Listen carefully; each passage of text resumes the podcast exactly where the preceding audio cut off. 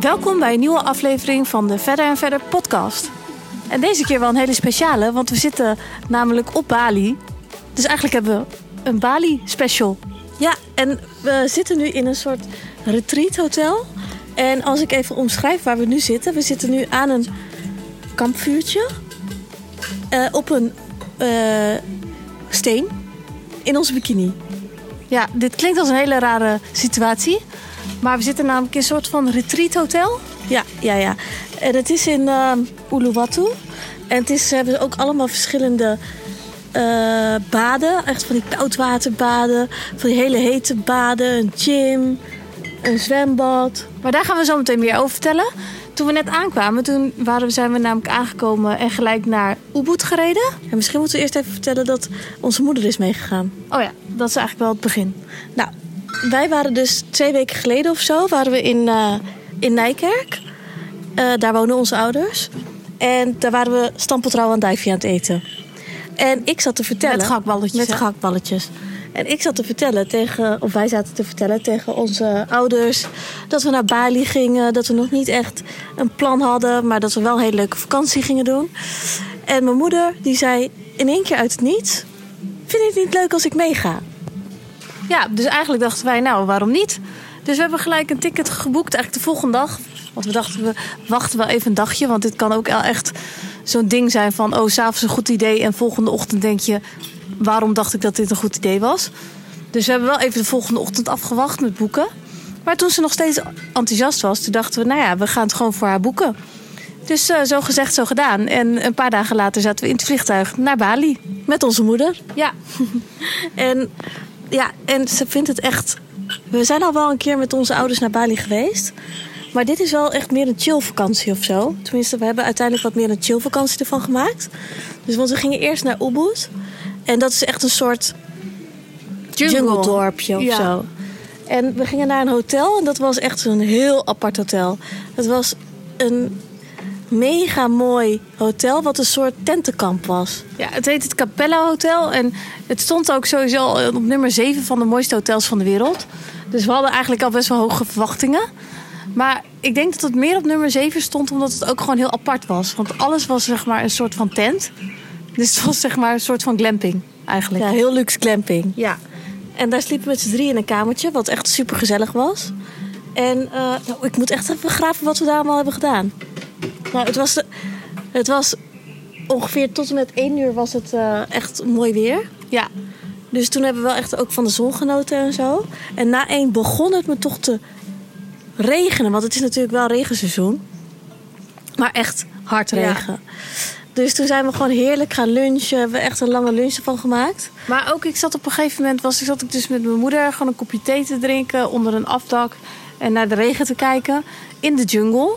En toen zeiden we ook tegen elkaar... dit is eigenlijk ook best wel mindful. Gewoon rustig naar de regen kijken. Voor de rest niet veel aan je hoofd hebben.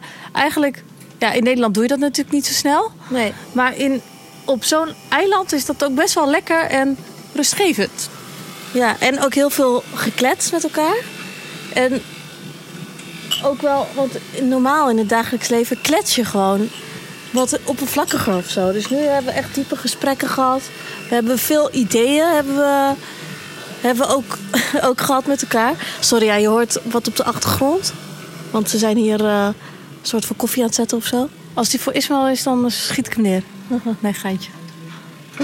Ismaël ligt hier uh, 10 meter verderop aan het zwembad te chillen. Ja. Samen met mijn moeder. Ja. En uh, nou, dus dat, we hebben echt zoveel nieuwe ideeën hebben ontwikkeld voor verder en verder. Dat is echt niet normaal. Ja, want je komt ook wel. Ik heb wel het idee, ik weet niet of anderen dat ook nog meer hebben.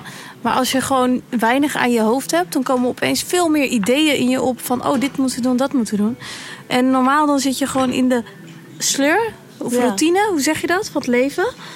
En ja, dan ben je gewoon veel minder creatief. Maar ik denk dat we elke dag wel iets van drie ideeën uit de grond hebben gestampt. Ja, ons... Dus ik denk, ons, ons team wordt ook helemaal gek van ons. Want die denkt, ga nou gewoon een keer vakantie vieren. Maar die denken dat echt. Ja, en wij, en natuurlijk door het tijdverschil worden zij gewoon wakker met al tien ideeën in, onze, in hun WhatsApp of mailbox. Ja, ik denk dat die echt denken, oh, nu, jullie kunnen beter thuis blijven dan op vakantie gaan. Ja. Maar goed, nu merk je ook dat, dat onze moeder is ook super creatief. Ja, dus eh, eigenlijk vind ik haar ook wel juist heel ondernemend. Terwijl ze wel echt, eigenlijk heeft ze wel altijd echt voor een baas gewerkt. Maar ze heeft echt super veel ideeën gewoon over wat we met verder en verder kunnen doen. Hoe we het nog beter kunnen maken. Eigenlijk belicht zij weer het van een hele andere manier dan dat wij het belichten. Ja, en we hebben ook echt, echt hele leuke ideeën samen met haar ontwikkeld. Die zij ook bij ons wil gaan uitrollen bij Verder en Verder. Ja, dit is best wel een groot project en ik kan Ja. echt niet wachten om daar wat meer over te vertellen. Maar dit is best wel een geheim projectje, want het is best wel een uniek project waar we aan gaan starten. En het wordt echt fantastisch. Ja.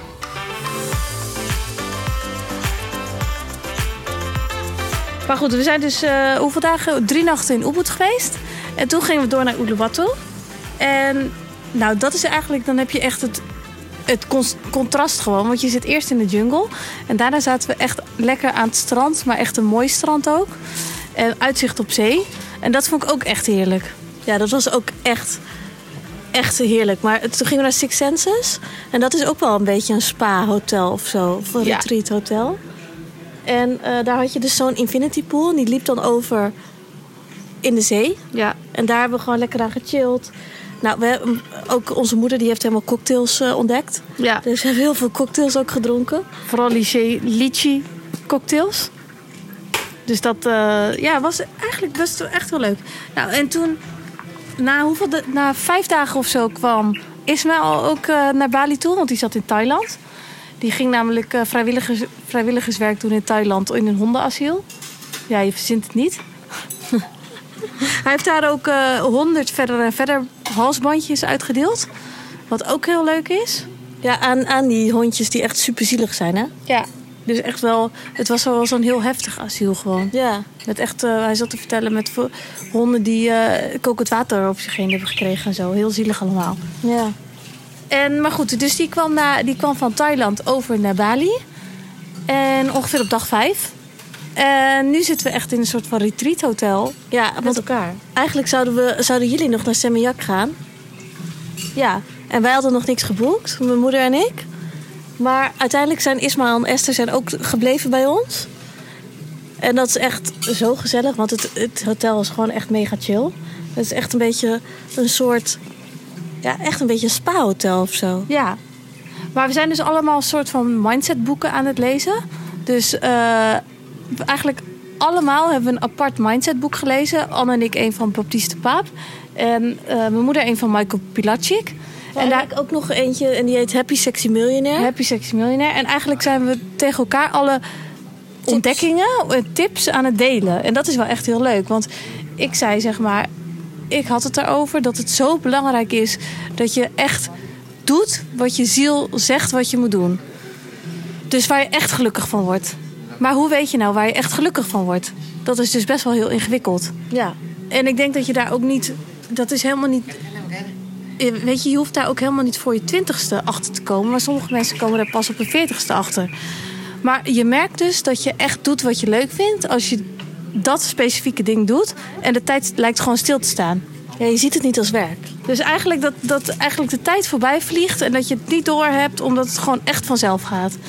En bij sommige dingen kan het natuurlijk hele praktische voorbeelden zijn. Zoals schilderen, ja, schrijven. Nou, dat soort dingen allemaal. Maar bij ons is het denk ik niet zo heel praktisch. Maar is het meer ideeën bedenken? Kan ik dat Ja. zo zeggen? Ja. En ik denk dat wij het ook heel leuk vinden om ideeën op te zetten. Ehm, en uit te rollen, zeg maar nieuwe ideeën. Alleen daarvoor, als we heel kritisch zijn, hebben we daarvoor wel een team nodig die ons daarbij ondersteunt. Ja. En eh, dat is wel heel fijn, want wij op deze vakantie hebben wij echt mega veel nieuwe concepten uitge- ontwikkeld. Maar dan is het zo fijn dat je wel een team achter je hebt staan die daarmee voor, voor de rest aan de slag kan. En juist de dingen eh, kan oppakken waar je ook niet zo goed in bent. Maar eigenlijk is het dus zo belangrijk dat je heel alert bent op wanneer de tijd voor jou echt vliegt. En ik denk dat hoeft, je hoeft echt niet nu te denken: oh, ik moet eh, vandaag achterkomen wanneer wat echt mijn passie is. Maar als je nou door de tijd heen gewoon zegt: oké, ik ga gewoon vanaf nu opletten wanneer wat voor mij echt vanzelf komt. En dat kan, net zoals bij die poetsqueen eigenlijk die we hadden gehad, dat kan zelfs schoonmaken zijn. Ja, dat, ja. Maar eigenlijk iets waarvan je denkt van, nou ja, hoe, daar zie ik echt totaal niet, geen, uh, geen geldmodel in. Dat maakt eigenlijk helemaal niet uit. Maar je moet gewoon eigenlijk echt bewust zijn van wat dat voor jou is. Ja, en ik denk dat, dat uiteindelijk als je dat hebt gevonden, dat dan consistentie ook heel belangrijk is. Dus Ja. dat je niet dus dat je twee weken lang je volop gaat knallen voor iets, maar dat je eh, gewoon consistent alles blijft doen. Want ik denk wel, als ondernemer heb je gewoon wel echt een lange adem nodig. Ja, en wij zien het volgens mij een beetje hetzelfde als afvallen. Je kan beter zeggen, nou ik ga twee jaar lang ga ik iets minder eten, dan ik ga twee weken een ik ga voor twee weken een, een crash course doen en ik ga opeens niks meer eten. Want uiteindelijk schiet je daar aan het einde van de streep dus helemaal niks mee op. Dus ik denk dat dat gewoon echt heel belangrijk is. Ik denk dat consistentie echt voor iedereen gewoon heel erg helpt. Maar consistentie is uiteindelijk ook wel echt het moeilijkste. Want als je bijvoorbeeld eh, een kleine verandering wil maken. Ze zeggen wel eens dat die kleine veranderingen is makkelijk om te doen. Ja, Maar het is ook heel makkelijk om die kleine verandering niet te doen. ja, Dat is even makkelijk. ja. Dus die verandering, ook al is die super klein, is wel heel belangrijk. Want bijvoorbeeld eh, tandenpoetsen of zo. Dat is makkelijk om te doen. ja, Maar het is ook makkelijk om niet te doen. ja, Behalve als het echt in je routine zit. ja. En dat moet je jezelf gewoon aanleren. Dat het wel echt een routine is die je jezelf aanleert. Zodat het normaal is dat je dat doet. Maar hoe lang duurt dat eigenlijk voordat iets een routine is? Volgens mij duurt dat twee maanden. Ja, Maar ik, ik denk dat het meest, eh, eigenlijk het meest voor de hand liggende eh, voorbeeld wel is dat mensen bijvoorbeeld met Instagram een haat-liefdeverhouding hebben. Dat zie ik op Instagram ook bij heel veel mensen. Dus het is echt wel lastig om te zeggen, nou ik wil bijvoorbeeld eh, bekend worden op Instagram, maar ik ga er voor elke dag 10 stories posten. Nou, soms ben je het gewoon echt zat na een paar maanden. ja maar dan komt consistentie weer om de hoek kijken. Ja, en ik denk dat dat zie ik gewoon überhaupt wel bij heel veel mensen. Dat ze niet consistent Ja, zijn. dat ja. consistentie, daar zit echt de moeilijkheid in. En aan mezelf merk ik het ook wel hoor. Ja, want ik ben dus dat boek aan het lezen. Die, van die Happy Sexy Millionaire. En hij zegt, hij heeft een miljoen volgers of zo. Ja. Maar hij zegt, eh, volger 0 tot en met 100 is eigenlijk even belangrijk als volger 1000 tot en met een miljoen. Ja. Want je moet dezelfde consistentie moet je eigenlijk aanhouden eh, als 0 tot en met 100 als met 1000 tot een miljoen. Maar ik denk dat die vanaf duizend tot een miljoen soms nog lastiger is. Omdat je dan voor je gevoel al het soort van succes hebt behaald. En dan nog te blijven doorgaan, dat is ook wel weer heel moeilijk. Ja, maar ik denk ook dat het ook met za- op zakelijk, dus niet alleen Instagram, maar ook zakelijk, dat het niet uitmaakt of je nou twee weken lang dag en nacht werkt. Nee. Nou, dat maakt dus wel uit. Dus dat je beter eh, je ritme normaal kan houden, zodat je het heel lang vol kan houden. Ja, zeker. En nog een ander ding wat, ik, wat we ook in het boek hebben gelezen... is dat het zo belangrijk is dat je authentiek bent aan jezelf. Dus ga nooit en te nimmer ook iemand kopiëren. Dus denk nooit... oh, die heeft bijvoorbeeld... eh, Kim Kardashian heeft succes behaald met dat ze, hele, dat ze rondingen heeft... een dikke kont, eh, die kleedt zich op een bepaalde manier. Ik wil ook zo succesvol als Kim Kardashian zijn... dus ik ga haar kopiëren. Nee, daar behaal je dus juist geen succes mee. Iedereen heeft een eigen manier van succesvol zijn. Echt op zijn unieke eigen manier. En daarom zijn die mensen ook succesvol geworden, omdat ze uniek waren. Dus zorg, zorg altijd dat je uniek bent. Ja, want anders word je een soort slappe versie van jezelf. Ja, dus als jij succesvol wil worden, stap 1 is ga op zoek naar je authentieke zelf. Dat is nog het allerbelangrijkste. Dus kijk, je kan er zeker wel inspiratie op doen om te kijken hoe andere mensen het hebben gedaan. Maar geef daar vooral je eigen unieke draai aan. Ik denk dat dat het allerbelangrijkste is. Ja, en ook al vindt eigenlijk iedereen het kut wat je gaat doen. Als je zelf je unieke draai hebt gevonden en je unieke zelf hebt gevonden waar jij goed in bent. En, dat, en daarvoor gaat staan. En daar cons- consistentie aan toevoegt. Als, kijk, als de trend is, ik ben dun, of dun is de trend, dat betekent echt niet dat jij dun hoeft te zijn. Want bijvoorbeeld, een, een, nou, ik noem weer een Kim Kardashian, die was wel echt een, de grondlegger van de, de vormen. Die was Maar- de eerste. Maar kijk, ook Nederlands gezien, hè? kijk naar Vivian Hoorn. Ja, Die, is, die was vroeger eh, echt dun model. Wij kennen haar al heel lang. ja, Vroeger echt best wel dun, vond ik haar altijd. ja. Maar is nu best wel aangekomen. En zij is echt gaan staan voor wie zij is. En dat draagt ze ook mega uit. En dat doet ze al een paar jaar heel consistent. En op wordt- het begin vond iedereen het echt heel raar dat ze in zo'n korte periode best wel veel was aangekomen. Heeft ze denk ik ook best wel veel kritiek Ja. over zich heen gekregen. Maar is, uiteindelijk is ze blijven staan voor wat zij denkt dat bij haar past en wat goed is. En ik denk uiteindelijk, nu staat ze echt op zoveel koffers. Nu heeft ze echt haar authentieke zelf gevonden. Ja, En en, toen probeerde ze een model na te doen die ze eigenlijk niet was. Ja. Misschien. Ja, dus zo grappig. Want ik zag bijvoorbeeld ook eh, eh, dat Kim Kardashian... die had zo'n zo'n foto gepost van zo'n songtekst... van zo'n nieuw rapnummer. En erin... eh Now she's wearing skims, so she, she, thinks, she thinks like she's Kim.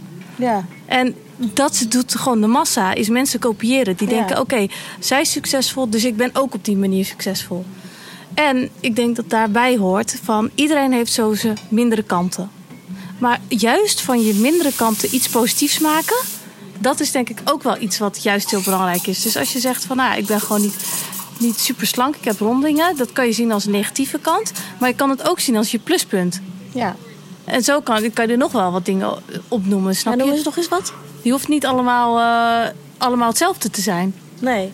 Of ik heb bijvoorbeeld, eh, oh ja, bijvoorbeeld die eh, Winnie Harlow, dat model. Die heeft eh, allemaal van die vlekken in haar gezicht, Ja. die, die ziekte. Ja, die heb jij nu ook. Oh ja, ik heb spraytan gedaan, dus ik heb het ook.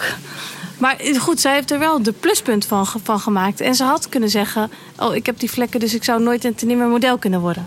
Ja, en dat het eh, zeg maar iets is waar je voor schaamt. Ja. Of eh, je hebt bijvoorbeeld, je merkt, eh, je merkt dat er iets missend is omdat je, weet ik veel. Oh ja, dat is ook wel een goed voorbeeld. Zoals Monday Swimwear. Dat vind ik dus een heel leuk bikinimerk. En dat is dus geboren uit twee Australische influencers. En één had echt hele grote borsten. Dus die had echt, nou ik denk, Wel F of zo. wel groter nog. Ja? echt. En zij zegt, ik heb gewoon echt moeite met bikinis van normale merken. Want die pas ik gewoon niet. Dus die is zelf een bikinimerk gev- gevonden met bikinis met grote maten. Ja. En zij zei nu, ik zag laatst een artikel dat ze vijf- 85 miljoen waard is of zo. Ja. Terwijl ik dacht dat is eigenlijk geboren uit een soort van tekortkoming. Ja, ik kan het niet tekortkoming noemen, maar wel een soort van iets, iets lastigs wat zij zelf heeft meegemaakt. Of, wat ze niet kan vinden. Of Chloe Kardashian, die is bijvoorbeeld de Good American begonnen. En die heeft allemaal modellen met hele grote maten. Ja. Omdat ze zelf groot was en niet met haar zussen kon winkelen, omdat ze gewoon andere maten had. En dan denk ik wel, dan maak je dus eigenlijk van iets wat, wat je ook zou kunnen zien als iets negatiefs, maak je iets positiefs. Ja, en ik denk, eh, dat vindt nu iedereen cool. Maar niemand ziet hoe lang zij al bezig is geweest. Of zo, hoe lang die mensen bezig zijn geweest. Maar dat niemand daar misschien in geloofde. Of eh, iedereen het raar vond dat ze daarvoor stond. Ja. En ik denk dat je daar altijd ook over na moet denken. Dat je op het begin, als je iets net begint, dat je daar best wel veel kritiek over kan krijgen. Maar als je, de, daar, je moet echt wel rekenen dat je er een paar jaar consistent bezig moet zijn om succes te kunnen boeken. Een paar jaar zelfs, hè? Dus dat Paar is jaar, echt hartstikke lang. Maar zoals op Ibiza, toen hadden we ook even met, eh, toen waren we even met Monica, Monica Geuze. En die zei ook, kijk, mensen zien pas mij nu, op dit moment, nu ik succesvol ben. En nu zeggen ze allemaal, oh, jij vraagt zoveel voor een post, dat is echt... eh, Ja, en voor jou is het toch super makkelijk om even een storytje te posten met, eh, met mij erin te taggen. Waarom doe je dat niet? Ja, en dat ze eigenlijk te veel vraagt voor één post. Maar zij zegt, niemand heeft dus die jaren gezien voordat ik bekend was... dat ik elke week gewoon een weekvlog postte. Terwijl iedereen dacht, wat dit is stom en waar ben jij mee bezig? Dus ik ben gewoon doorgegaan. En weet je wel niet hoeveel werk er zit erin zit...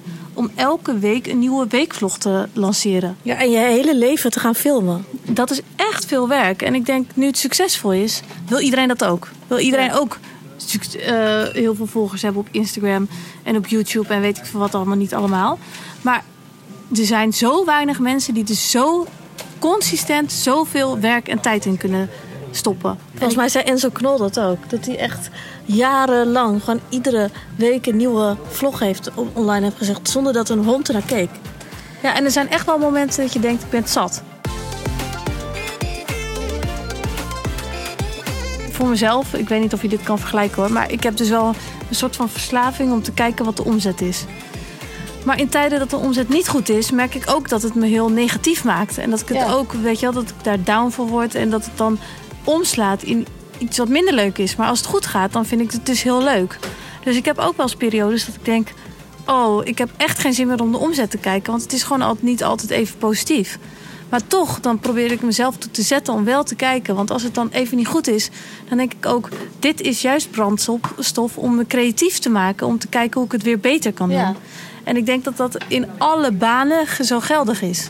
Ja, maar en ik denk ook dat bijvoorbeeld als je eh, kijkt naar alle bekende ondernemers, eh, celebrities van deze wereld, je denkt dat het succes wat zij hebben behaald, dat dat overnight is Ja. gebeurd. Dus dat zij in één keer bekend waren of in één keer succesvol.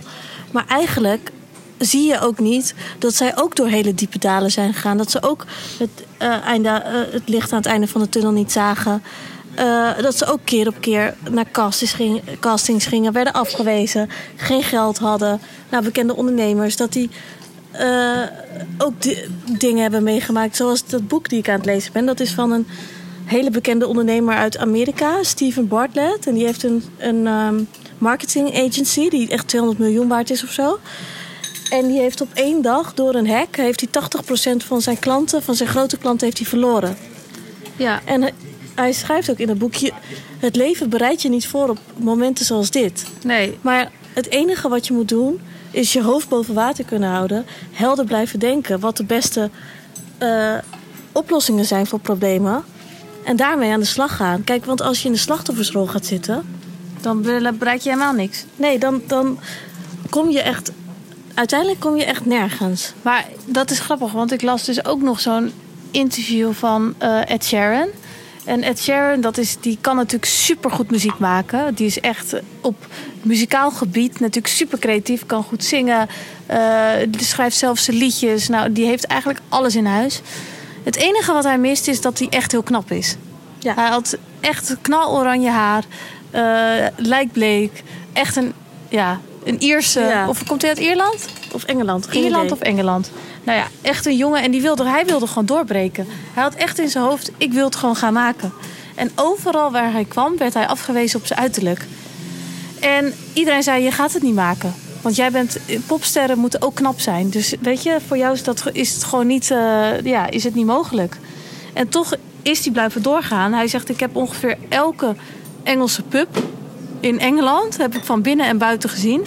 En ik heb echt avonden achter elkaar... gewoon voor drie mensen die niet eens zaten op te letten gespeeld. Ja, Echt jaren achter elkaar. En ik, maar ik heb, ben altijd in mezelf blijven geloven dat ik het wel ging maken. Omdat ik wist dat, dat de liefde die ik voor muziek had, dat dat zou overheersen. En ik denk wel, maar laat je gewoon niks wijsmaken door anderen. Want weet je, de massa die kan zo makkelijk over jou oordelen. Of de mensen die zeggen dat ze er verstand van hebben, maar uiteindelijk hebben ze er geen verstand van. Want je mind is veel groter dan ja. wat andere mensen zeggen. Maar weet je wat het erg is? Dat zeg maar degene die je jarenlang voor gek hebben verklaard wat je aan het doen bent, of niet leuk hebben gevonden, of niet op hebben gelet, of kritiek hebben gehad, of het beter wisten, dat uiteindelijk dat die het allemaal cool vinden wat je doet. En, eh, want nu heeft hij echt mega veel fans. Ja. Ja. En niemand kijkt er nog, nog meer naar aan dat hij in, eh, voor een halve kippenkop moest eh, zingen in een pub. Ja. Terwijl als hij was gestopt, dan had niemand, had iedereen het een beetje een stumpertje misschien gevonden.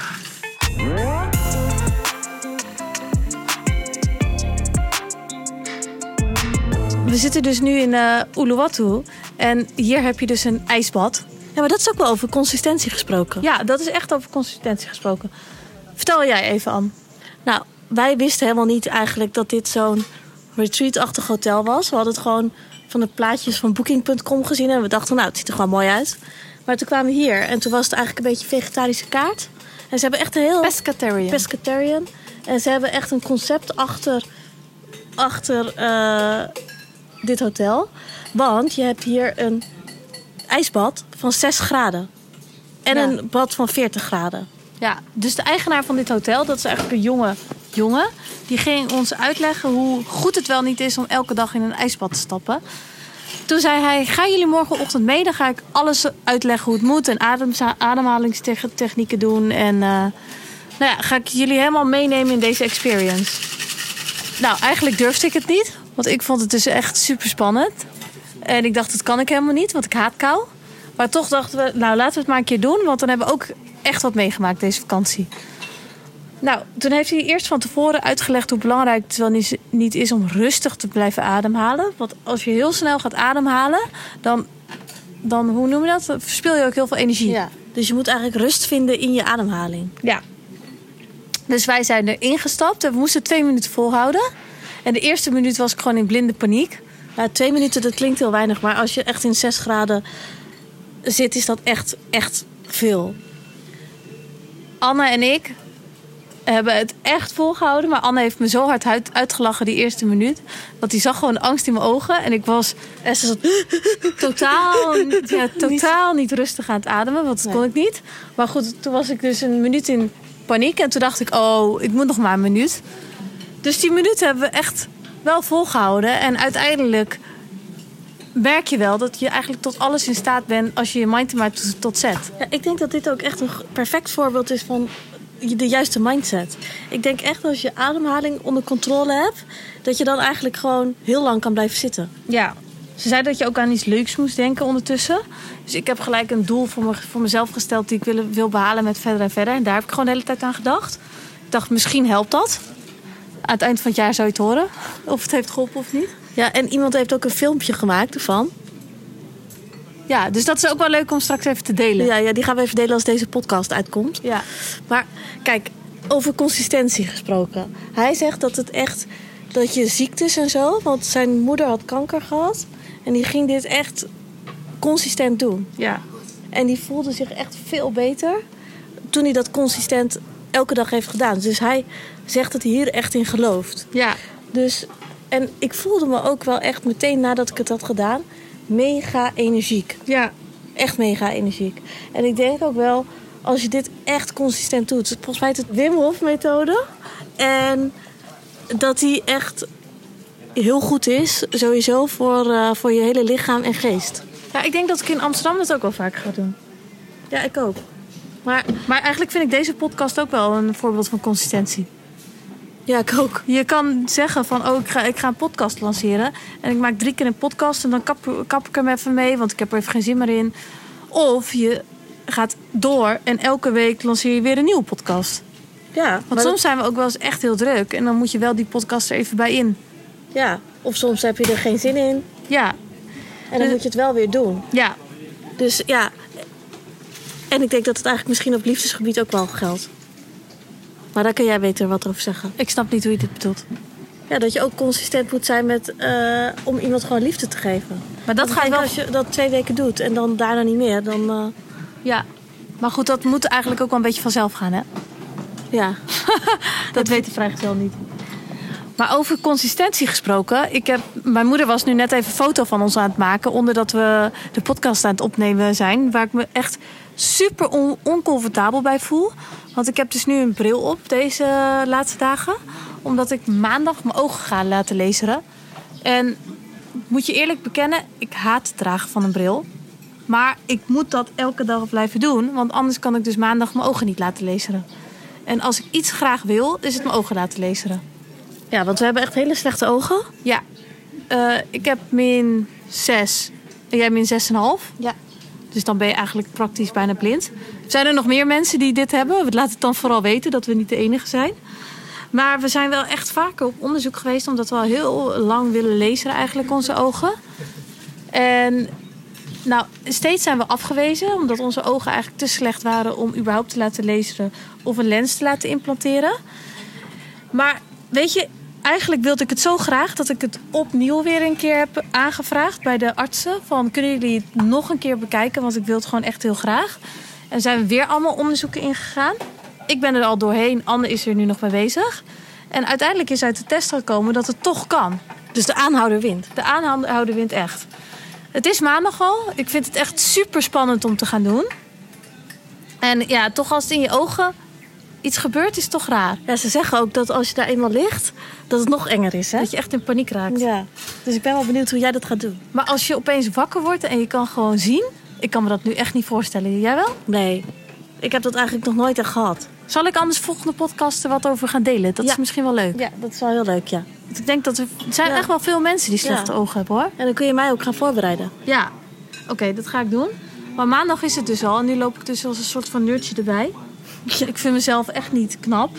Gewoon, ik, de zin vergaat me ook gewoon om op te maken. Omdat ik mijn mijn ogen niet eens kan zien als ik mascara erop wil doen. Ik heb ook zo'n jampottenbrilletje. Waar de glazen bijna nog onder vandaan komen. Ja, echt verschrikkelijk.